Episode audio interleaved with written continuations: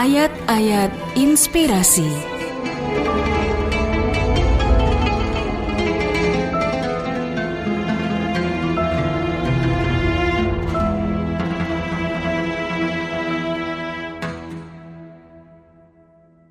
زين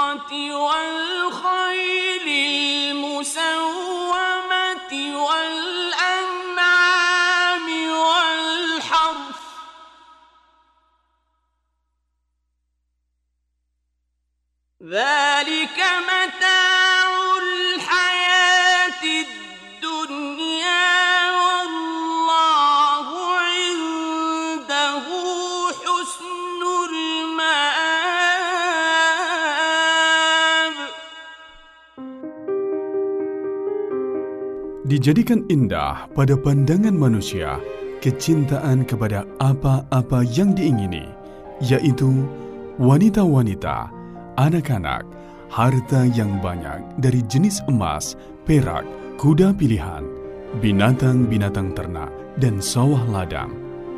Itulah kesenangan hidup di dunia dan di sisi Allah lah tempat kembali yang baik, surga. Quran Surah Ali Imran ayat 14 Mitra Muslim adalah kekeliruan kalau manusia menjadikan harta dan anak sebagai tujuan hidupnya. Perempuan, anak-anak, emas dan perak, kendaraan, binatang peliharaan, dan semua kekayaan adalah menyenangkan manusia dan sangat dicintainya. Sebenarnya bukan sesuatu yang terlarang mencintai benda-benda itu karena manusia tidak dapat terhindar dari mencintainya. Namun sedikit sekali orang yang memahami keburukan dan bahayanya. Sekalipun bukti-bukti cukup jelas dan banyak yang memperlihatkan keburukan dan bahayanya itu. Kadang-kadang manusia menyukai sesuatu padahal dia mengetahui sesuatu itu buruk dan tidak berguna.